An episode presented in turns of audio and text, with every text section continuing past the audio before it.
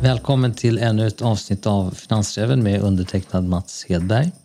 Idag har vi besök av en riktig finansräv, nämligen Mats Andersson. Något av en legend på aktiemarknaden. Eh, kanske inte alla som känner till dig ändå. Kan du inte berätta lite om din bakgrund och vad du pysslar med nu? Tack för, att jag fick komma hit. Eh, min bakgrund är att jag har arbetat hela mitt liv i finansiella sektorn. Jag började med tre år på eh, Götabanken som trainee. Hamnade på Affärsvärlden i tio år eh, och sen så blev det bank i tio år. Eh, huvudsakligen som ansvarig för aktieverksamheten för Warburgs och för Deutsche Bank i Stockholm. Sen tog jag en paus i livet, gjorde ingenting ett år och hamnade sen in i pensionsvärlden på tredje AP-fonden. Blev sen chef för kapitalförvaltning på Skandia Liv. Eh, och 2006 så fick jag erbjudande att ta hand om fjärde AP-fonden och där var jag i tio år och 2016 så gick jag ut från AP-fonden och sedan dess så har jag ett styrelseuppdrag och rådgivningsuppdrag som sysselsätter mig. Jag brukar säga numera gör jag bara saker jag tycker är kul men de jag gillar resten hoppar jag över. Vi kommer tillbaka till några av dem. Eh, vad var det som fick dig intresserad av aktier? Ja, jag tror att det var som så att, man, att sportsidorna och näringslivssidorna på, på 70-talet var ja, vägg i vägg i tidningen. Och då hade man börslistorna och man var att titta på eh, tabeller i idrotten, vilket var egentligen min, min första utgångspunkt. Så tog man och tittade på de här eh, sidorna då som hade börskurser och då började man liksom titta på vad det var för någonting och förstå vad det var. Eh, och sen är det väldigt lätt att bli hooked. Man köper någon aktie. Min första aktie, jag köpte 10 stycken Volvo 1971 tror jag det var. Eh, och på den vägen är det. För när man väl har börjat eh, att investera i aktier och förstår det här så är det igen det ett gift som du har svårt att, att frigöra ifrån. Så förgiftad och beroende blir man. Men du, hur var aktiemarknaden när du började jämfört med idag? Ja, det, det är ljusår. Eh, på den tiden så hade man kanske en dagsomsättning på börsen någonstans mellan 50 och 100 miljoner. Jag minns fortfarande i början på 90-talet när man, man kunde se hur mycket omsättningen var på skärmen men det fanns bara upp till 999 miljoner. Så ett och tre så smällde man den där gränsen och hade en omsättning på en miljard. Och det tyckte man var helt vansinnigt mycket. Eh, och sen kan man ju säga då att, att, när jag kom till Affärsvärlden 1978 skrev min första bokslutsartikel så fanns det 114 noterade bolag när årsredovisningssäsongen var över så hade jag läst åtminstone hundra utav dem. Och det var inga problem. Eh, och jag visste vem som var VD, jag visste vem som var ordförande, jag visste ungefär hur mycket de omsatte, vad de tjänade.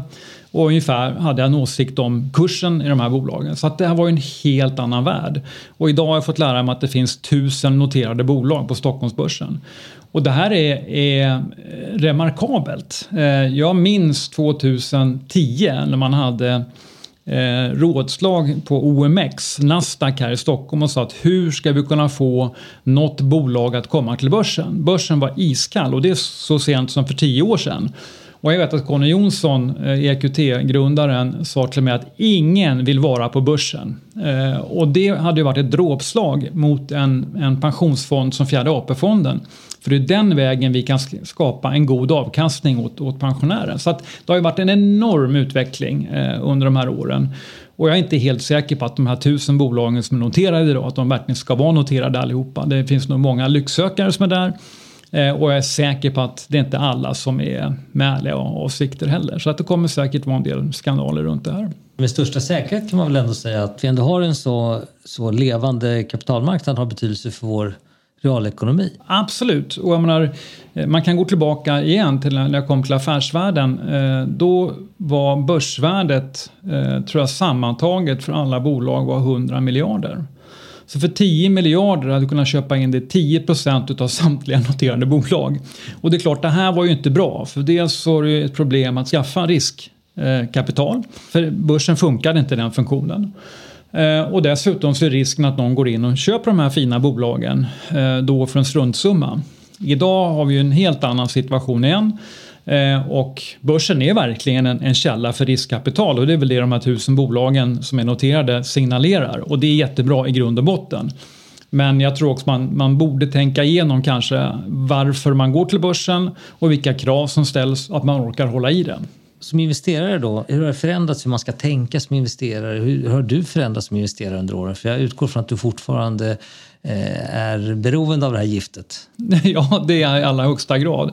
Och då kan man säga att, att igen när jag började det här, eller kom in på affärsvärlden, fick eh, träffa Laszlo Sombatfalli, eh, min stora mentor eh, i alla år, så fick man lära sig Laszlo-modellen, hur man räknade. Så vi räknade igenom alla bolag. Vi hade den här årsboksportföljen eh, som presenteras en gång per år på Affärsvärlden. Och då hade Laszlo, jag och Christer Jakobsson räknat igenom samtliga 114 bolag när vi började i alla fall. Så vi hade en riktkurs på de här. Det handlar mycket om att räkna. Eh, räkna sig fram till vilka som var vinnare och förlorare. Och någon gång i början på min karriär på Affärsvärlden så eh, tog jag mig friheten av synpunkter på någon VD. Och då kom Björn Fransson in till mig och så sa han, du, sa han till mig, du har inte en jävla aning om hur man bedömer en VD. Håll dig borta från det. Du kan räkna. Det ska du hålla på med. Och det kan jag tycka är skillnaden för mig själv att på den tiden så var det verkligen räknandet som var eh, svaret på allting. Idag så tycker jag att man har varit med så länge så att jag tror att jag i alla fall har en hum om eh, att kunna bedöma en VD och bedöma en ordförande och bedöma en, en ägarbild i ett bolag. Så att mitt sätt att välja bolag idag jämfört med förr är definitivt annorlunda. För nu tror jag att det krävs helt andra eh, angreppssätt och jag tror inte att jag kommer vara med och utveckla det. Utan däremot så följer jag gärna utvecklingen. Och för de som inte vet då, så kan vi säga att eh, Laszlo Sombatfalvi anses vara en av Svensk Aktieanalys eh, grundare kan man säga. Absolut. Modell där man värderar det egna justerade kapitalet och ska ha en viss avkastning på det. Lite mm. förenklat. Och den senare nämnda Björn Fransson var dels en legendarisk journalist på Affärsvärlden, sedermera även vice VD på Fjärde AP-fonden. Och en ganska färgstark person. Mycket. Sen kan man ju säga att en skillnad då och nu är ju också att man har blivit mer och mer kortsiktig i sina, i sina placeringar. Eh, och det tror jag är djupt olyckligt eh, av många skäl. Eh, och jag fick lära mig på Fjärde AP-fonden att, att det är en styrka eh, och det är en, det är en möjlighet att skapa meravkastning om man kan ha ett längre utvärderingshorisont. Det är ju tragiskt idag att man utvärderar i pressen Eh, Eh, och på andra ställen eh, olika fonder och, och investeringar utifrån senaste kvartalet eller, eller under året när man vet att de här investeringarna, jag brukade säga att, att när man var på Skandia Liv så tror jag att i snitt så var man kund där i 25 år. Och det är ju rimligt att man någonstans investerar med den tidshorisonten också. Eh, men lik förbaskat så blev utvärderad ut över avkastningen var det senaste året eller senaste halvåret. Och det här leder till ett fel mindset för de som sköter kapitalförvaltningen. När de borde tänka på det långa perspektivet så blir de bundna i det korta. Eh, och det korta innehåller så mycket slumpfaktorer så att det är först när man kan ha en längre tidshorisont som du verkligen kan bedöma om det har skapat mervärde eller inte. Eh, min fördel på fjärde AP-fonden var så få som hade ett långt perspektiv på det man gjorde. Så därmed hade vi en konkurrensfördel många gånger och kunde skapa mer avkastning. Det borde ju betyda att även man som privatperson, om man tar lite längre perspektiv så har man också större möjlighet. Och det har väl även forskning visat. Risken går ner efter en viss tid i alla dina investeringar. Det finns en underbar, ett underbart diagram med den orangea rapporten som görs över pensionssystemet. För några år sedan tog man fram en en graf där man såg rullande 10 år aktieavkastning och det var väldigt volatilt upp och ner med 10-årsperspektivet. Om du tog 35-årsperspektivet så var det liksom bara små, små, små hack och du fick ut dina 7 till 8 procent realavkastning eh, under de perioderna. Och vad det sa mig var att liksom, när du investerar och har ett uppdrag som är de här 20 åren, då, då är tajmingen egentligen ganska ointressant. Utan du får egentligen oavsett när du kliver på det här tåget så får du ut den riskpremie som du vill ha. Och det är väl det som alla har gått fel på, inklusive jag själv några gånger, att, att när det darrar till där ute så ska man springa till dörren när alla andra gör det.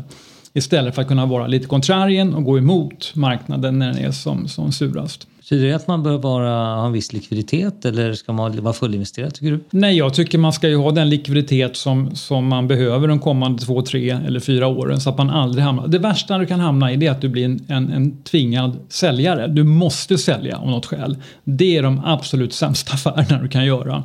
Utan se till så att du har dels möjlighet att klara av de åtaganden du har, om det är pensionsfond eller om du, om du är som privatperson för några år. Eh, och sen kan du liksom sätta av resten av kapitalet till, till det långa perspektivet och med den långa horisonten.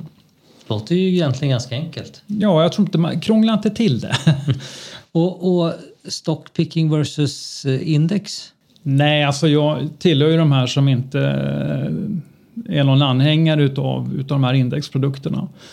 Eh, och det finns många skäl för det. Nummer ett, om man tittar på de flesta indexprodukter som finns idag så har de inte ens levererat index. Eh, nummer ett. Och då någonstans är hela produkten borta. Sen tror jag att en aktiv förvaltning ställer lite krav. Eh, och framförallt när man är en pensionsfond med, med, med en hel del pengar, då har man ett ansvar som ägare. Jag kan bli väldigt upprörd över att idag så är väl den största, eh, en av de tre största ägarna på Stockholmsbörsen är Blackrock. Jag har träffat dem några gånger under min tid på Fjärde AP-fonden och eh, frågade dem eh, varför är inte ni mer aktiva som ägare? Eh, och då sa de det har vi egentligen inte råd med och det finns inte på vår agenda. Det här var fem år sedan.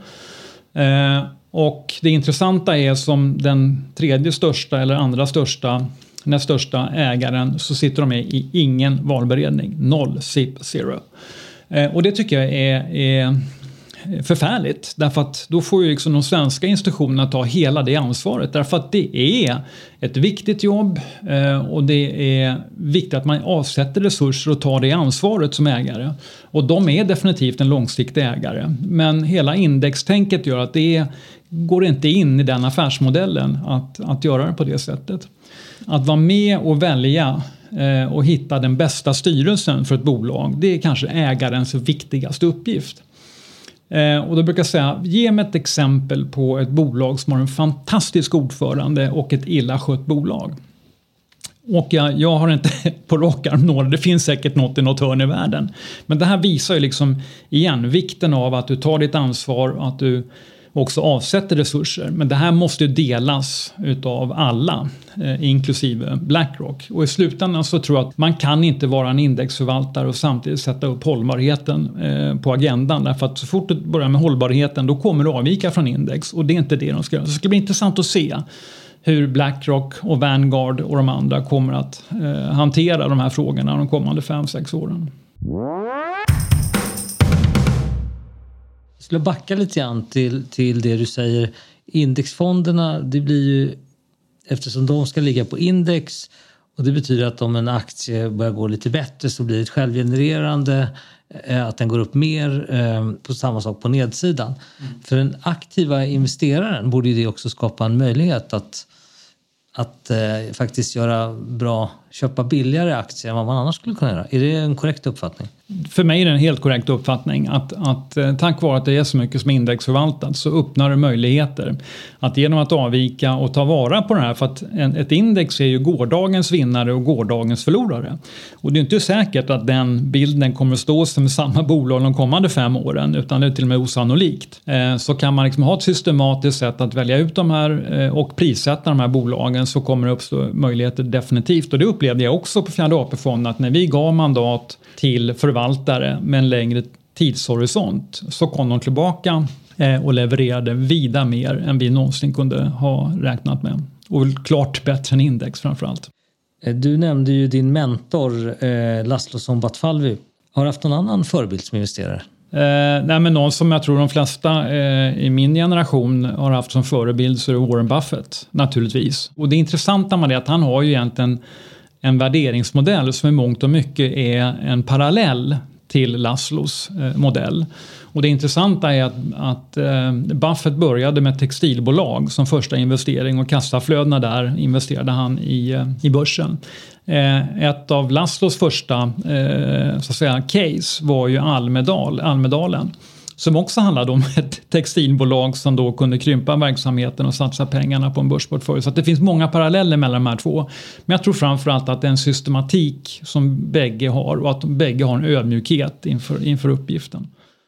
Du nämnde ju företagsledare eh, och eh, styrelseordförande. Finns det några i svenskt näringsliv som du tycker är värda att lyfta fram? Och jag tycker det finns, det finns jättemånga. Du får nämna några Ja, jag kan, jag kan nämna några av dem. Och en- någon som jag alltid brukar lyfta fram så är familjen Persson i Hennes och Mauritz. Eh, och det var ett lyckokast. För det var Fjärde AP-fonden och Sten Mikander som övertygade Erling Persson att ta Hennes till börsen i början på 70-talet. Och tack vare det så kan man räkna ut att det har betytt tusenlappar för den svenska pensionären. För Fjärde AP-fonden var en av de första grundinvesterarna eller ankarinvesterarna i eh, Hennes och Mauritz. Men de har gjort ett fantastiskt jobb över lång tid. och De har visat att det går att vara långsiktig även att vara börsnoterad och långsiktig. Eh, sen så tycker jag att, att den, det är svårt att komma runt liksom Carl Bennett som jag eh, har lärt känna genom åren. Som har ett otroligt engagemang och en otrolig långsiktighet eh, och en ödmjukhet och definitivt också beredd att lyssna eh, på det institutionella kapitalet som jag representerade under många år. Eh, och sen är det klart att, att ingen kan ju liksom säga annat än att, att familjen Wallenberg har gjort det väldigt bra de sista 20 åren.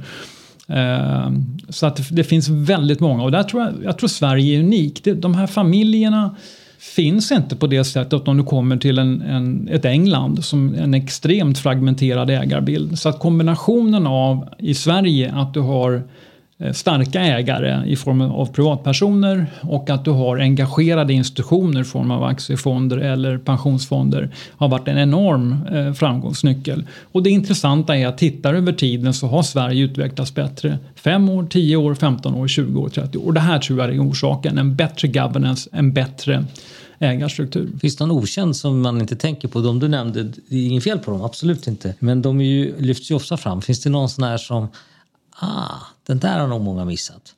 Eh, oj, de finns ju definitivt. Eh, Gert-Erik Lindqvist på, på, på Nibe är ju också en sån här som har gjort wonders med det där bolaget eh, sen, sen begynnelsen. Eh, så att det, man kan rada upp dem. Har börsen blivit mer professionell under dina år? En väldigt bra fråga. Eh, och jag är, inte, jag är inte helt säker på att den utveckling vi har haft verkligen har lett till en mer effektiv marknad eller en bättre marknad. Eh, jag tycker fortfarande att det finns alldeles för stort inslag av kortsiktighet eh, rent generellt. Eh, och det är klart att så länge du har, jag har själv varit, varit anställd i, i investment banking i tio år, att man, man drivs ju utav helt andra saker om man är en, en, en mäklarfirma än om man är en förvaltare utav ett, ett långsiktigt kapital på en pensionsfond. Och det är den här krocken som jag tycker är lite olycklig eh, och där det verkligen krävs att man ser till så att de som har det långa mandatet verkligen får chans att utveckla det och att använda det. Eh, och då kan jag tänka mig ibland att, att tack vare att, att man har en kortsiktighet så får man också större slag och då är det nog många styrelser eh, och de som ger mandat som får fel perspektiv och skickar fel signaler och inte ger förvaltaren möjlighet att verkligen utvecklas eh, och utveckla. Måste ju fråga dig om vilken är din bästa affär på börsen? Man brukar säga så här att, att det viktigaste beslutet är ju allokeringen. Alltså att kliva in i marknaden och kliva ut ur marknaden. Eh, och då tror jag att mitt bästa eh, beslut var liksom att i min pension så har jag alltid haft en väldigt stor andel aktier. I det långa perspektivet ger det bäst avkastning. Sen under de här åren har det varit så många affärer så att liksom eh, både bra, bra och dåliga. Eh, och det är samma sak, tar man det dåliga så kan man ju säga att det var ju när man för första gången var med om en krasch 1987, oktoberkraschen. Eh, och efter börsen gått ner med 25 procent så var, var jag livrädd och lämnade börsen helt och hållet. Och det var liksom helt, alltså det var fel timing eh, totalt. Eh, så gärna att ha det långa perspektivet och få allokeringen rätt. Eh, det tror jag är det absolut viktigaste. Har du hittat något sånt här bolag för alla andra som sen har blivit en succé? Ja, nej, jag har inget, inget, inget uppenbart eller någon top of my head. Och idag då, vad tycker du om värderingarna på mark- marknaden? Det, det, jag antar att med den låga räntan så har vi fått en uppjustering av, av liksom eh, riskaptiten. Ab absolut. Eh, och jag tycker nu köper man aktier och risktillgångar av helt fel skäl. Man säger att vad är alternativet? Och när man kommer till den delen av, av, av cykeln då ska man vara ganska försiktig. Eh, jag tycker att det finns tre risker på varje möjlighet där ute. Så att jag, jag är själv väldigt pessimistisk. Jag vet att Laszlo sa att det här är den största fallhöjden på 40 år på börsen. Eh, och eh, om det är 40 år eller 10 år vet jag inte, men att risken är jättehög nu, det tycker jag är uppenbart. Och att värderingarna är, eh, utifrån eh, ja, någonstans att allt är perfekt. Och det brukar inte vara så utan det, det, kommer. Och så kan man säga vad är det som ska knäcka det här? Det vet vi inte men det, för det är alltid faktor X, den vi inte förutsåg. Eh, som kommer farande och där vi inte riktigt förstod vad det var som hände. Och sen så plötsligt eh, händer det. Men det är lite svårt att stå utanför marknaden eh, kan jag tycka. Och, och vad, vad, ska man då ha för typ av aktie? Ska man vara defensiv? Eller vad, vad tycker du? Högavkastande? Ja, jag skulle nog välja eh, och väljer idag att, att mer gå till defensiva hållet. Försöka hitta de som har en utdelningskapacitet eh, och som kan hålla i den de kanske de kommande eh, två, tre åren. Eh, där skulle jag någonstans börja mina spaningar idag om jag överhuvudtaget ska på börsen. Är du på börsen? Ja, absolut. Man, man, kan ju inte lämna börsen helt och hållet. det, det, det, går inte. Eh, utan, utan man tror ju fortfarande, och, det, och, så är det också, att även i dåliga marknader finns det, finns det kursvinnare. Finansräven. Sveriges listigaste finansman. Du har pratat lite om erfarenheten av tio år på Fjärde AP-fonden. Är det något ytterligare som du liksom vill dela? Nej, det var, det var en fantastisk resa eh, att vara med om. Eh, och Eh, jag är djupt tacksam för de medarbetare jag lyckades eh, eh, hitta. Vi var den sämsta fonden och vi blev den, den bästa. Jag brukar säga att jag hade ingen del i det eftersom jag själv aldrig investerade någonting och fondens vägnar utan gjorde andra åt mig. Min förmåga var att hitta duktiga människor som, som gjorde det möjligt. Men den resan där, jag minns när jag kom till, till fjärde AP-fonden, då finns det en lag som berättar hur, hur man ska sköta en AP-fond. Och den lagen sa att man skulle ta hänsyn till, till miljö och etik utan att göra avkall på avkastning. Och tänkte att det är omöjligt. Utan det är okej okay att ha lite lägre avkastning om man är en good citizen och tar hand om, om eh, etik och, och miljö. Dessutom stod det då att, att man skulle investera på 30 till 40 års sikt, vilket jag också tyckte var helt korkat. Jag, menar, jag kommer inte vara kvar om 30-40 år, så varför liksom ha det perspektivet?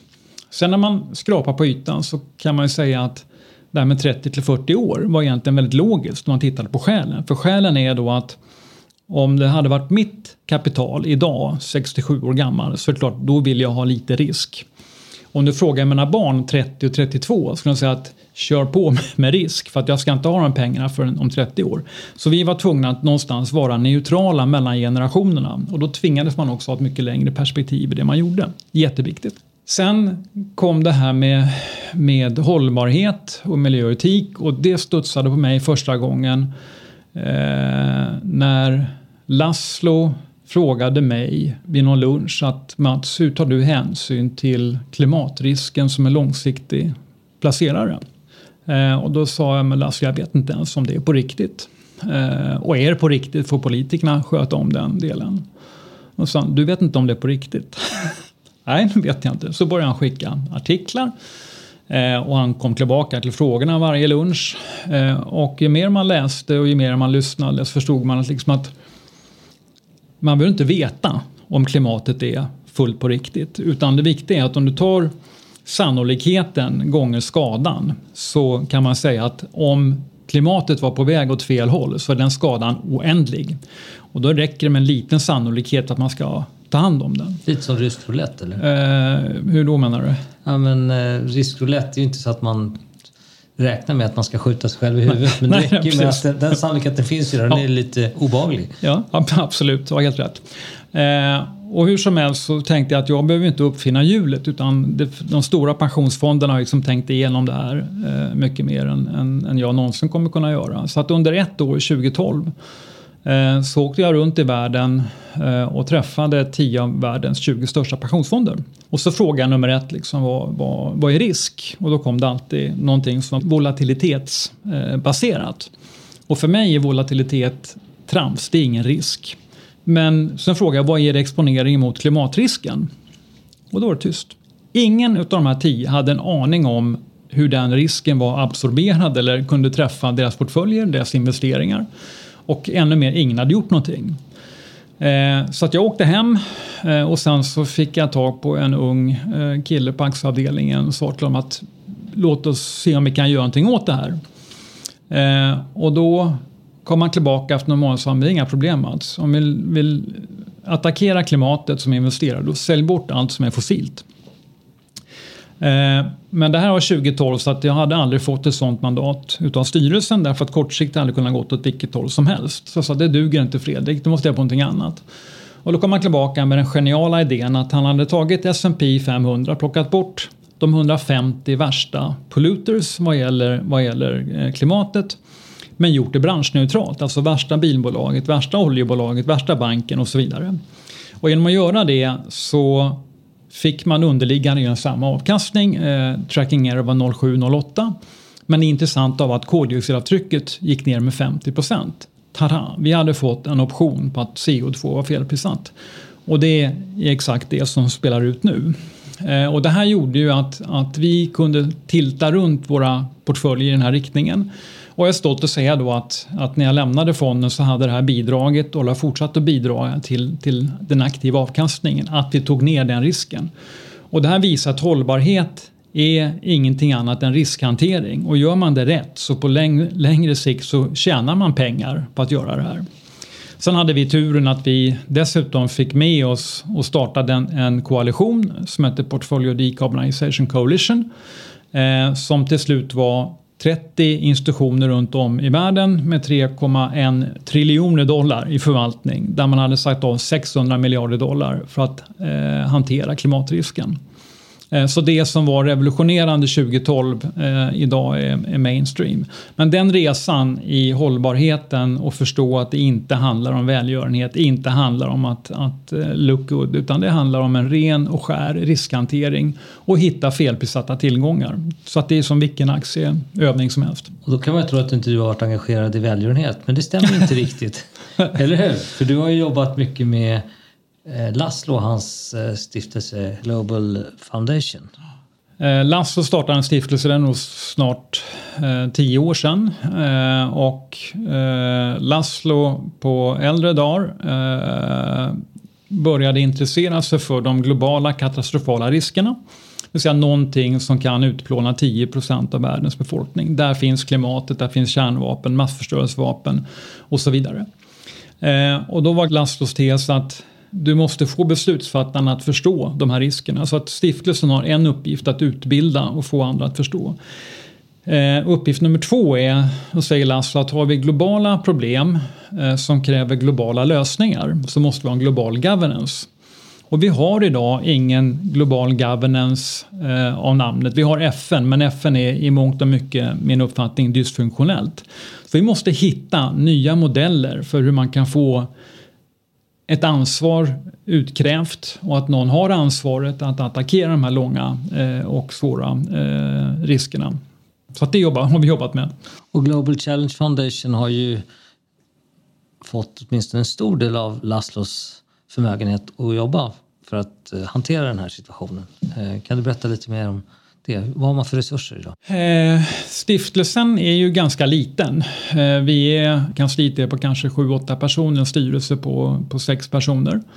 Eh, så det gäller att försöka använda sina resurser på, på ett klokt sätt. Eh, och Laszlo var ju, var ju generös nog att, att avsätta sitt innehav i Castellum som blev grundplåten till, till stiftelsen. Och vi har spenderat en hel del men det är fortfarande så att vi har mer pengar kvar nu än vi hade från början. Så att det är inte pengar som är vårt problem utan vårt problem är och vår utmaning är att hitta eh, ett sätt att få en global governance på plats som kan hantera de här riskerna. Laszlo eh, utlyste ju och stiftelsen gjorde en, en tävling 2016-2017 där Lasse sa att ja, men det kanske är så att det sitter någon där ute och har lösningen. Det vet man inte. Så att vi sätter 10 miljoner eh, på bordet eh, och sen så utlyser vi en, en pristävling helt enkelt. Så att under ett halvt år åkte vi runt i världen och i olika sammanhang och berättade om tävlingen, berättade om stiftelsen, berättade om vilka uppgifter vi hade. Eh, och det slutade med att vi fick in 2400 förslag ifrån 119 olika länder. Eh, och då så hade vi, jag tror närmare 100 som, som bedömde de här förslagen. Och sen hade man en prisceremoni 2018 tror jag det var eh, på Münchenbryggeriet här, här i Stockholm. Och då var det utav, då hade man fått fram 10 finalister. Och tre utav dem fick 600 000 dollar var som, som ersättning för de här. Och det var ingen idé var ju närheten utav att vara perfekt. Men de här tre blev sedermera eh, två och till slut så blev det en. Och det handlar om en, en idé om hur man skulle kunna göra om FN till att det blir en, en institution som kan hantera just de här riskerna som man egentligen var menat att göra från början. Och, eh, så att det här driver vi idag, men vi är också väldigt öppna för, för nya förslag. Eh, och, eh, men det, det, är väldigt stimulerande och dessutom kan man säga att om man jämför för tio år sedan och idag så, så governance och global governance har ju lyfts på agendan på ett helt annat sätt. Idag har stiftelsen fantastiska ingångar eh, och har skaffat sig ett namn internationellt. Och det är alltid så att, att i, i, man blir inte profet i sitt eget land. Så att stiftelsen är mer känd utanför Sverige än den är, är känd här hemma. Och du är vice ordförande? Jag är vice ordförande. Jag har varit i sex år. Men eh, kommer nu till, till hösten att, att lämna det uppdraget. Det här är även ditt arbete i de här frågorna har ju faktiskt renderat en viss uppmärksamhet. Du är väl en av de få som heter Andersson och blivit utnämnd till riddare. Kan du berätta? ja, under den här hållbarhetsresan och klimatresan som vi gjorde på Fjärde AP-fonden så försökte man ju alltid få med sig likasinnande och få support. Eh, jag brukar säga att det var inte så lätt att få någon svensk institution att engagera sig i det här. Eh, utan på lite olika villovägar så landade det i eh, att jag fick kontakt med ett antal franska institutioner, banker och även politiker. Så att de supportade det här och det gjorde de ju inför klimatmötet 2015 i Paris. Och de gav alltid stöd eh, för våra idéer och det var lätt att få med sig franska institutioner på, på de här tankarna.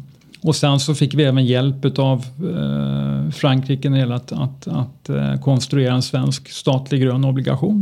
Så det här sammantaget har gjort att jag har jobbat väldigt mycket med eh, fransmän och med franska igen, institutioner. Eh, och eh, av det skälet så fick jag eh, en medalj. Jag är, är hedersledamot av franska legionen jag är djupt eh, tacksam och eh, ja, nästan ofattbart. Och det gav dig titeln riddare? Absolut. Du, eh, nu har vi glidit från aktier över till miljö och vi börjar, ska strax runda av. Men det skulle ändå vara kul att höra hur ser du på miljöarbetet eh, och miljöhoten? Alltså, känner du dig optimistisk eller eh, vad, vad, vad känner du? Jag är nog eh, ganska pessimistisk. Jag brukar citera Johan Rockström som någon gång har sagt att ju mer jag, jag läser, ju mer vi vet, desto mer orolig blir jag. Och jag, jag förstår inte varför man inte har gjort mer än det man gör. Eh, idag finns det en medvetenhet på ett helt annat sätt. Jag kan se hur företag, hur pensionsfonder, placerare gör olika saker för att någonstans hantera eh, den här risken. Men jag tycker fortfarande att det är förskräckligt dåligt av våra nationella politiker inte minst i Sverige. Vi eh, fattade beslut om en klimatlag eh, för några år sedan och den säger att 2045 ska vi vara CO2-neutrala, vilket är ett jättebra mål. Och sen har man Klimatpolitiska rådet som ska utvärdera det här. Eh, I deras två rapporter så har man nu sagt att liksom i princip man gör ingenting och man gör alldeles för lite. Och det finns inte ens en plan för hur man ska komma där vi är idag till 2045. Eh, klimatlagen säger också att större politiska beslut ska någonstans ska man hantera eller analysera utifrån ett klimatperspektiv. Det gör man inte heller. Eh, jag kan bli lite frustrerad när man ser översvämningarna i Gävle och liksom konklusionen är hur kan man bygga nya vallar? Istället för att liksom någonstans inte ta symptom utan ta orsaken till det här. Och, och, nu om någon gång borde det finnas skäl för oss att ta oss i kragen och hitta en plan hur man ska göra framåt. Men så länge den planen inte finns så har vi all anledning att vara oroliga, tror jag. Eh, det ska bli intressant att se nu klimatmötet i Glasgow i november, eh, COP26. För då är det första gången efter Parisavtalet eh, som man nu ska kolla hur långt har vi kommit, vad var det vi sa vi skulle göra och har vi gjort det? Eh, och måtte det bli en, en väckarklocka och en startpunkt för konkreta tydliga planer för hur man ska göra på ett globalt sätt. Det här borde ju, omställningen borde egentligen gynna mycket av svensk företagsamhet, eh, svensk ingenjörskonst eh, och så vidare och så vidare. Det finns hur mycket möjligheter som helst i det här och precis som du säger så tror jag att, att Sverige ligger väldigt långt fram i att kunna vara en del eh, i det arbetet att, att få en jord. Och det är förfärligt, det, för det som pågår nu är att vi skitar ner men vi skickar notan till våra barn och barnbarn. Vi betalar inte för det vi förstör. Och det är klart att någon gång i framtiden så kommer våra barn och barnbarn säga att vad, vad fan håller ni på med? Eh, med all rätt. Eh, och då hävdar jag att alla har ett, ett ansvar och ett mandat att, att göra något eh, i det här läget. Finns det några av företagen som är bättre där? Några listade bolag?